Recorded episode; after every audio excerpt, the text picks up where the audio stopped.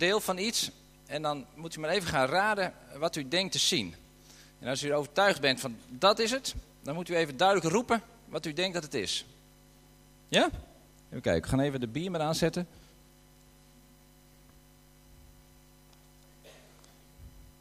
Snap je dit of niet? Het is niet zo moeilijk, denk ik. Oké, daar komt het al. Ja. Dus een soort, een soort quiz. Dus als je denkt, dit is het, dan gaat u roepen. Ja? Wat is dit? Maria. Ja, ja. Oh, wat goed van jullie. Dit was de moeilijkste. Ja. Dan krijg je nog een volgende. Dat klopt inderdaad. Volgens mij had Andrew het gelijk al goed. Ja, ja, ja. Ik denk, moet ik even negeren, nog anderen laten praten. Maar het was helemaal goed. Ja, ja. Heel goed. Dit is het Christusbeeld. Staat in Rio de Janeiro. Is heel groot. De, de afmeting moet je maar even... Oh, die heb ik eh, hier ook mee. 38 meter hoog. Is in Frankrijk gemaakt. In verschillende delen naar uh, Brazilië gegaan. En daar staat het hoogtornend boven Rio de Janeiro uit. Beeld van Christus. Een van de zeven wereldwonderen is dit. Rio de Janeiro. Wat is dit? Dit was makkelijker. Ik denk, daar doen we als tweede. Tempelberg. Nee, Andrew, deze was niet goed. Ja. Hoor ik iets? Ben? Niet in Mekka? Nee. Ja, we gaan verder kijken. Ja, klopt inderdaad. Heel goed, uh, Karin. Je ziet toch wel wie de wereldreizigers zijn, hè, hier. Ja, ja. Dit is um, het, het, het imposant groot ding, het marmeren mausoleum in India.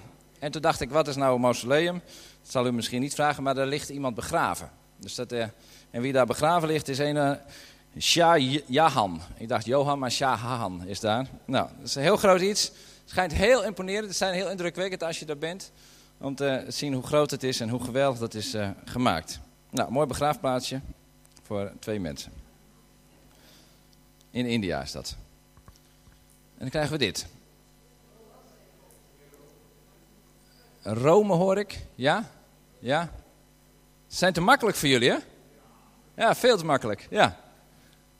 Dan weet je, hoe heet het ding? Colosseum, hè? Ja, Colosseum inderdaad. Dit is het Colosseum in, uh, in Rome. Het amfitheater, ofwel het Colosseum. Gebouwd in de eerste eeuw na Christus. Hij staat in Rome. Als je in Rome bent geweest, dan moet je dit in ieder geval uh, gezien hebben. Wat u nu gezien heeft, dat zijn nou, de, de, drie gebouwen van, uh, van de, de, de wereldwonderen, de grote wereldwonderen. De, de, moderne wereldwonderen, zoals ze het noemen. Want er zijn ook klassieke wereldwonderen. Daar staat er nog maar eentje van. Wie weet wat dat is? De piramides, heel goed. Hoorde ik dat goed? Ja, de piramides van Gizeh. En uh, dat zijn de klassieke wereldwonderen, maar dit zijn de, de huidige wereldwonderen die je ook nog kan bezoeken. En zo zijn er nog een aantal waarvan ik dacht, die zijn vast te moeilijk om te raden, maar die had ik er misschien juist wel in moeten doen. Uh, maakt op zich niet uit. Dit zijn de wereldwonderen. Het groot, hele bijzondere dingen. En als je er naartoe gaat, hoe dichter je bij komt, hoe meer je ervan weet, hoe meer je onder de indruk bent van, van, van dit. Nou, heb ik nog eentje. Dus kijken of u dit kan raden.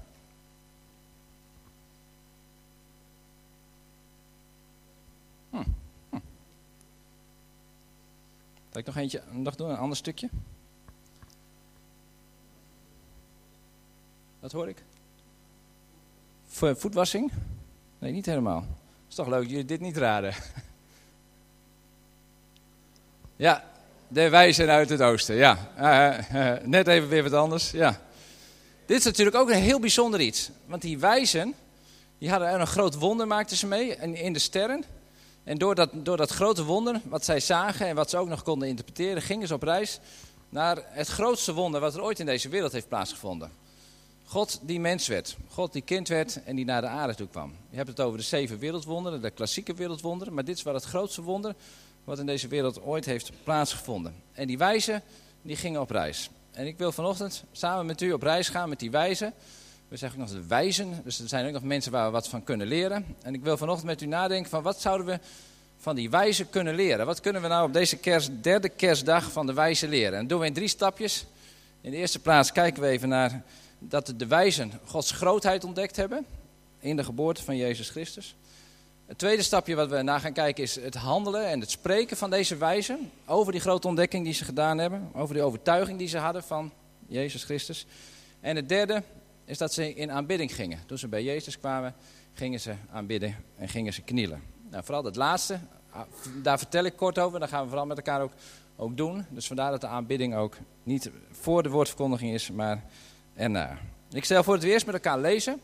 Het gedeelte van ehm, de wijzen. En dat staat in Matthäus 2. Vers 1 tot en met 12.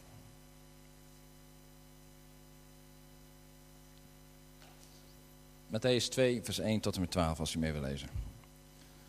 Toen Jezus geboren was in Bethlehem in Judea, tijdens de regering van Herodes, kwamen er magiërs, dat waren dan die wijzen of de sterrenkundigen, uit het oosten in Jeruzalem aan. Ze vroegen, waar is de pasgeboren koning van de Joden? Wij hebben namelijk zijn ster zien opgaan en zijn gekomen om hem eer te bewijzen. Koning Herodes schrok hevig toen hij dit hoorde en heel Jeruzalem met hem. Hij riep alle hoge priesters en schriftgeleerden van het volk samen om aan hen te vragen waar de Messias geboren zou worden. In Bethlehem in Judea, zeiden ze tegen hem, want zo staat het geschreven bij de profeet. En jij, Bethlehem, in het land van Juda, bent zeker niet de minste onder de leiders van Juda. Want uit jou komt een leider voort die zijn volk, die mijn volk Israël zal hoeden. Daarop riep Herodes in het geheim de magiërs bij zich. Hij wilde precies van hen weten wanneer de ster zichtbaar geworden was. En stuurde hen vervolgens naar Bethlehem met de woorden: Stel een nauwkeurig onderzoek in naar het kind. Stuur mij het bericht zodra u het gevonden hebt, zodat ook ik erheen kan gaan om hem eer te bewijzen. Nadat ze geluisterd hadden naar wat de koning hun opdroeg, gingen ze op weg. En nu ging de ster die ze hadden zien opgaan voor hen uit totdat hij stil bleef staan boven de plaats waar het kind was. Toen ze dat zagen, werden ze vervuld met vreugde. Ze gingen het huis binnen en vonden het kind met Maria, zijn moeder. Ze wierpen zich neer om het eer te bewijzen. Daarna openden ze hun kistjes met kostbaarheden en boden het kind geschenken aan: goud en wierook en mirre. Nadat ze in het droom waren gewaarschuwd om niet naar Herodes terug te gaan, reisden ze via een andere route terug naar hun land. Dat was het verhaal van de wijzen waar we vanochtend met elkaar stil willen staan. Het zijn die sterrenkundigen, die magiërs, die eh, dag in dag uit naar de sterren kijken en er allerlei dingen gaan zien. Ontdekken wat er allemaal gebeurt, het een naam geven enzovoort. En die magiërs, er op een dag is een van die magiërs, of misschien wel alle drie tegelijk, of alle zes tegelijk, weet ik met hoeveel mensen ze waren. Kijken ze naar die sterren en dan opeens doen ze een hele speciale ontdekking. Dan is er iets wat nog niet eerder is gebeurd. Er is een hele speciale verschijning, een heel wonderlijke verschijning in de sterrenhemel. En dan zeggen hier is iets speciaals aan de hand. Dit is uniek, dit is heel speciaal. En dan kijken ze ernaar en dan gaan ze op zoek in de boeken. En dan gaan ze op zoek, met, dan gaan ze daar met elkaar over spreken. En dan komen ze achter dat dit een heel bijzonder gebeuren is. Dat dit een heel groot wonderding is wat daar aan de hemel plaatsvindt. En ze komen tot de conclusie dat er wel een zoon van een koning geboren moet zijn. En dan wel een godszoon geboren moet zijn. Het moet heel speciaal zijn dat dit in de sterren zo staat. En zij komen tot de conclusie dat er iets heel bijzonders gebeurd is. Dat er een koningskind geboren moet zijn. En die koningskind, dat is wat wij met kerst natuurlijk vieren. En wat we al jaren in, jaar uit met elkaar vieren. Over de komst van Jezus Christus. En die wijzen die wisten dat nog niet, wie dat precies was. Maar ze wisten dat dat een zoon van de God zou zijn, dat er iets heel speciaals zou zijn. En dat vieren we elk jaar met elkaar met kerst. We vieren ook heel veel andere dingen met kerst. We hebben een kerstboom en we hebben een lekkere maaltijd, hebben we heel vaak. Eh, we mopperen dat er geen sneeuw is, of dat wij blij zijn dat er, geen, dat er wel sneeuw is, of wat dan ook.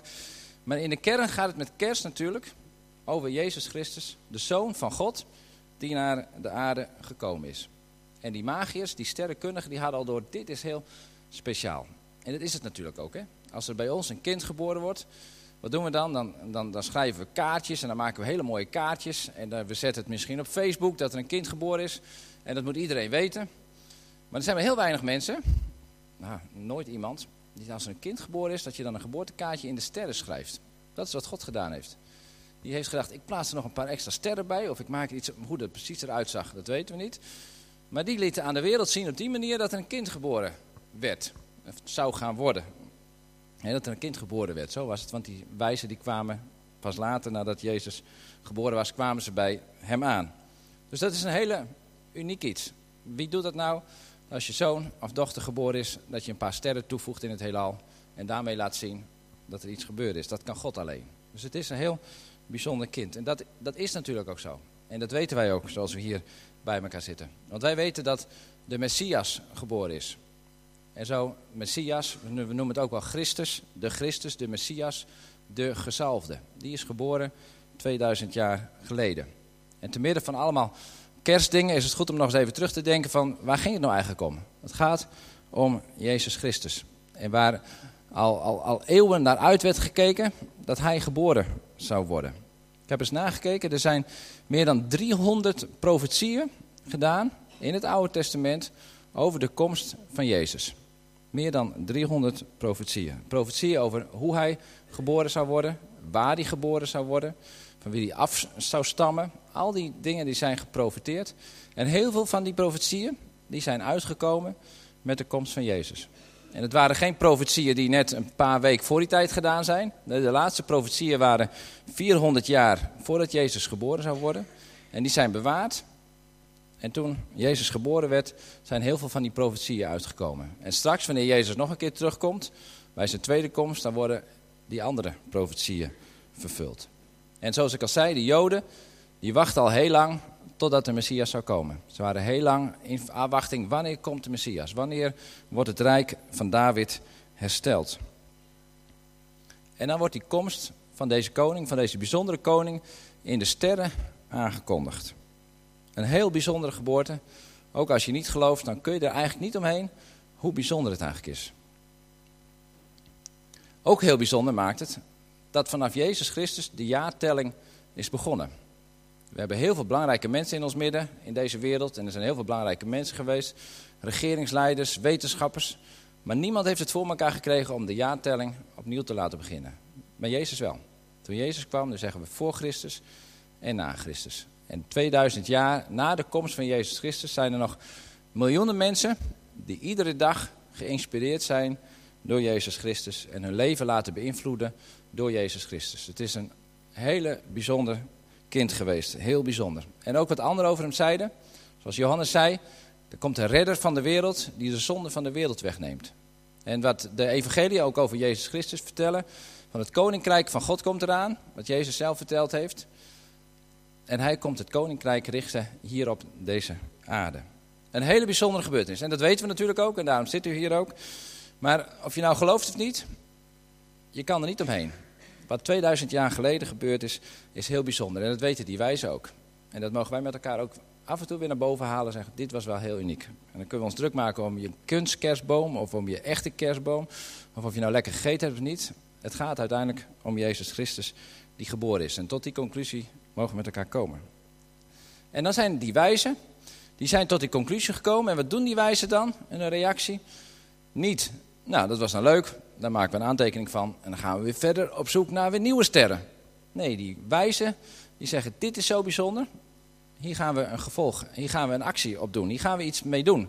En wat gaan ze doen? Ze laten de hele boel achter zich en ze gaan op reis. Ze zeggen tegen elkaar, daar moeten we heen. Daar moeten we zijn. Dit is zo speciaal, dit kind, de kind van een God. Daar willen we naartoe gaan. En ze laten hun familie achter zich. Ze laten hun gezinnen misschien wel achter zich. Ik weet niet wat we, we weten natuurlijk niet wat voor bijzondere mensen dat waren. Maar ze laten hun sterrenboeken, ze laten alles achter zich en ze gaan op reis. Ze laten de voetbalclub achter zich, de volleybalclub, weet ik wat ze allemaal aan dat weet ik niet. Zijn mooie bootjes die ze misschien wel hadden ergens. En ze gingen op reis, want ze zeiden, dit wil ik meemaken. En het schijnt wel duizend kilometer te zijn geweest. Nou hadden ze niet four-wheel drive of zo, dus dat ging volgens de plaatjes dan met die kamelen. Maar dat staat volgens mij ook niet in de Bijbel, maar nou, dat slentert dan wel een beetje. Dus daar ben je wel even onderweg met duizend kilometer. Maar zij zijn zo overtuigd van dit is speciaal, ik ga op reis. We gaan op zoek, want deze koning, dat koningskind, dat willen we zien. Daar willen we naartoe, daar willen we ontdekken. En dat is één reactie die je ziet. De andere reactie die we zien in dit verhaal, wat we gelezen hebben, is de reactie van Herodes. Ook Herodes hoort het, dat het de Messias is. En Herodes reageert compleet anders. Die denkt, shit, daar gaat mijn plek. Dit gaat niet goed. Daar komt straks een Messias en die gaat over mij vertellen wat ik allemaal doen moet. Mijn positie gaat eraan. Hoe kan dit nou? Hij wordt bang, hij voelt zich bedreigd.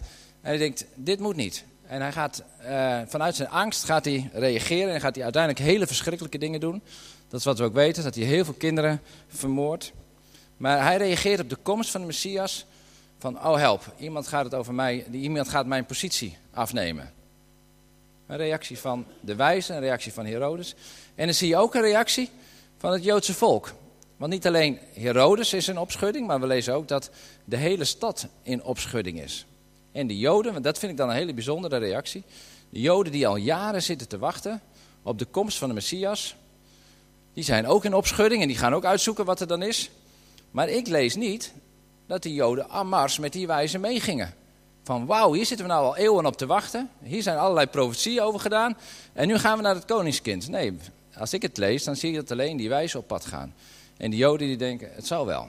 En als we de evangelie natuurlijk verder lezen, wat zien we dan? Dan zijn er maar een klein deel van de Joden die tot geloof komt. En een groot deel die zegt tegen hem uiteindelijk, kruisig hem.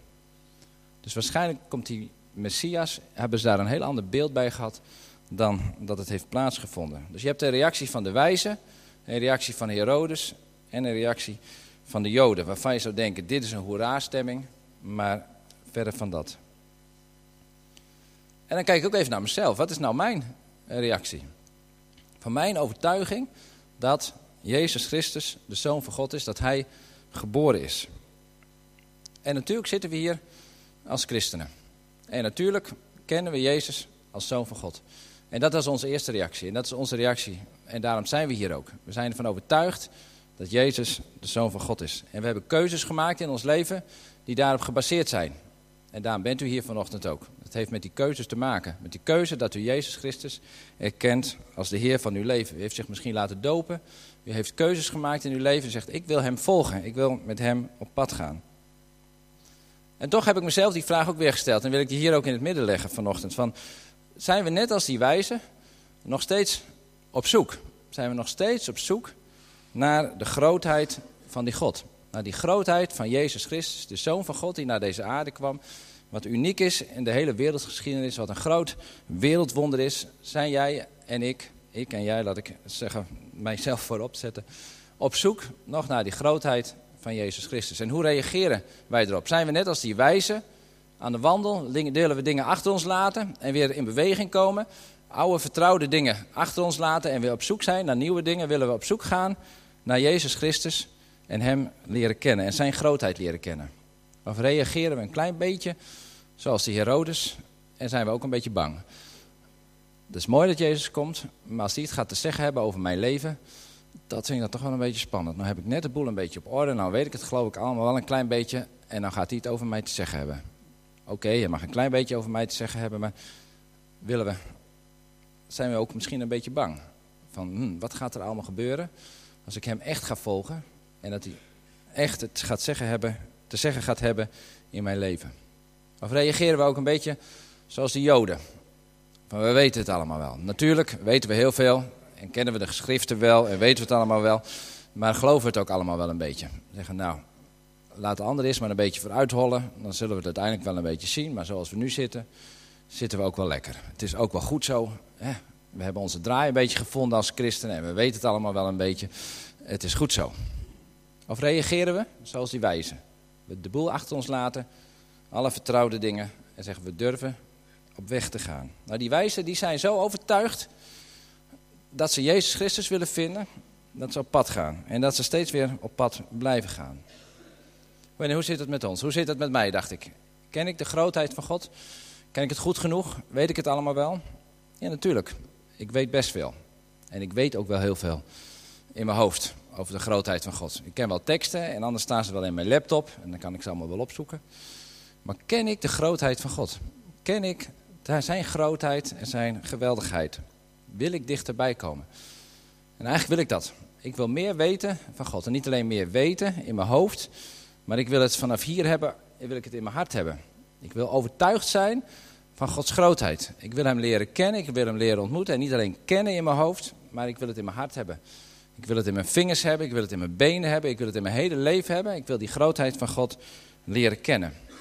En zo wil ik, nou ja, zo, daar dacht ik misschien is die duizend kilometer die die wijzen hebben gemaakt, Misschien wel even ver als dit stukje vanuit mijn hoofd, dat ik het allemaal zo goed weet en dat het in mijn hart komt.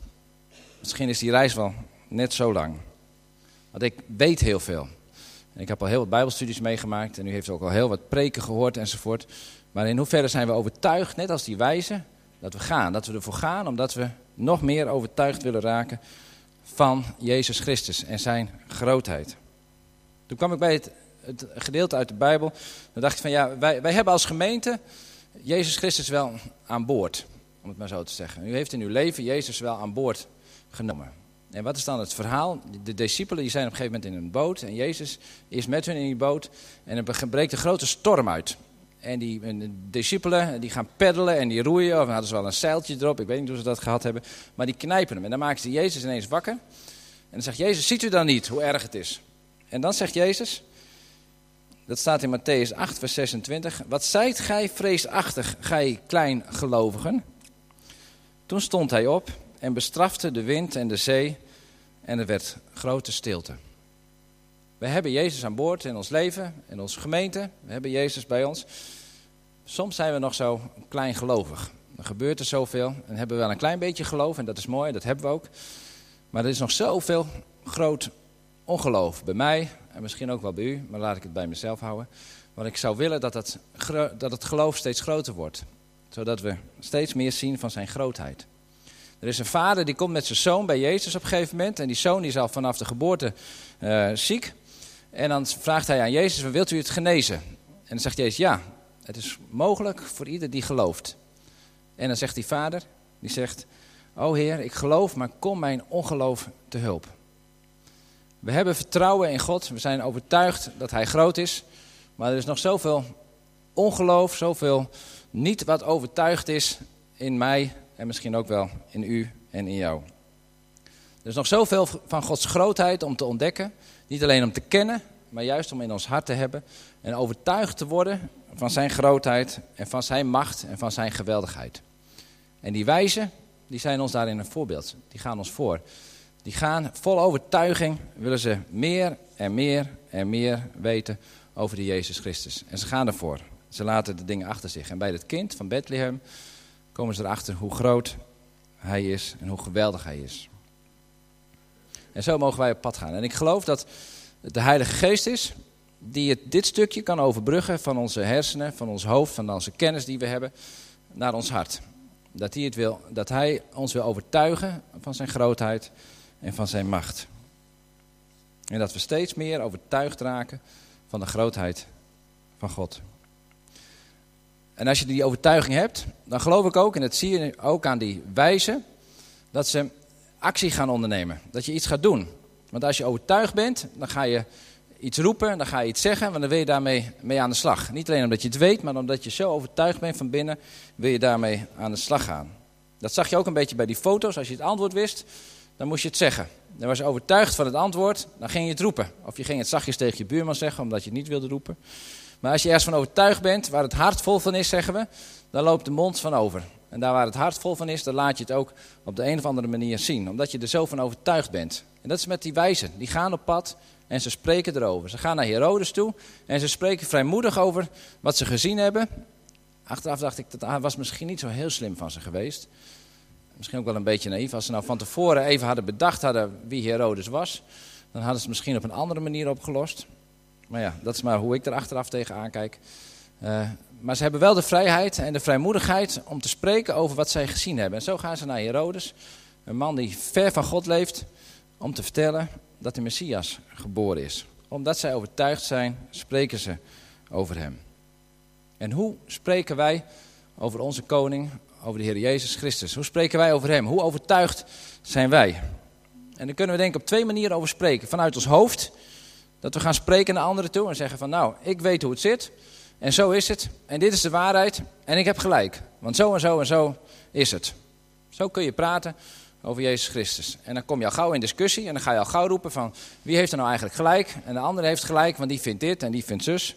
Maar ik geloof dat als je gaat vertellen vanuit je hart, vanuit je overtuiging. Omdat de Heilige Geest jouw hart heeft overtuigd, jouw leven heeft overtuigd. Dan ga je anders over hem spreken. En dan spreek je niet alleen, maar dan laat je het ook zien in alles wat je doet, in je houding, in je woorden en in je daden. En dan kun je spreken over, uh, over wat jij hebt meegemaakt. En zoals de Heilige Geest jou overtuigt en jouw hart overtuigt van zijn waarheid, zo zal Gods Geest ook door jou heen werken om anderen te overtuigen. Wij hoeven niet te roepen dat we de waarheid hebben, maar we kunnen vanuit onze overtuiging laten zien wie de waarheid is. En zo mogen we net als die wijzen onze overtuiging, de overtuiging die we hebben, uitdragen aan mensen om ons heen. We hebben met kerst gezongen dat hij de vredevorst is. Jezus Christus is de vredevorst. En wie gelooft dat Jezus de vredevorst is? Steek je handen omhoog. Dat zijn er vast heel veel mensen. We geloven dat hij de vredevorst is. Dat hebben we gezongen en dat geloven we van harte. En als hij straks terugkomt voor de tweede keer, dan zal hij vrede brengen op deze hele wereld. Maar geloven we ook, zijn we er ook van overtuigd dat hij vandaag, morgen, van eh, deze week vrede wil brengen in ons eigen leven. Hij is de vredevorst, hij is de koning van de vrede. Maar zijn we ook overtuigd in ons hart dat hij vrede wil brengen in de onrust van ons eigen bestaan. Dat hij vrede wil brengen in de onrust van onze relaties, die, we, die er misschien zijn. De onrust in de familie, de onrust in de buurt, in de kerk. Geloof ook dat hij vorst is, dat hij koning is, om die vrede te brengen. Of weten we het wel en geloven we het nog niet. En dat geeft niks, want Gods geest wil ons overtuigen, wil jou overtuigen, wil mij overtuigen dat hij de vrede wil geven. We geloven dat God liefde is. Dat lezen we in de Bijbel, dat kennen we. En we geloven dat ook van harte, daar ben ik van overtuigd. Geloven we ook dat Gods liefde vandaag en morgen ook zichtbaar mag worden, kan worden in je eigen leven, in het leven van je familie, in het leven van de mensen op je werk. Ik denk dat deze wereld één hele grote nood heeft. En nog wel veel meer noden, maar één belangrijke nood is, is dat er heel veel mensen de liefde ontbreekt. Dat het tekort is aan liefde. Als je goed om je heen kijkt, dan zie je dat heel veel mensen de gekste dingen doen om geliefd te worden. Ze doen hun best om op de belangrijke posities te komen, zodat het volk om hen heen zegt, je hebt het geweldig gedaan. Wat goed dat je het gedaan hebt. En we sloven ons kapot, zodat andere mensen zeggen van, ik hou van je. Ik vind je geweldig.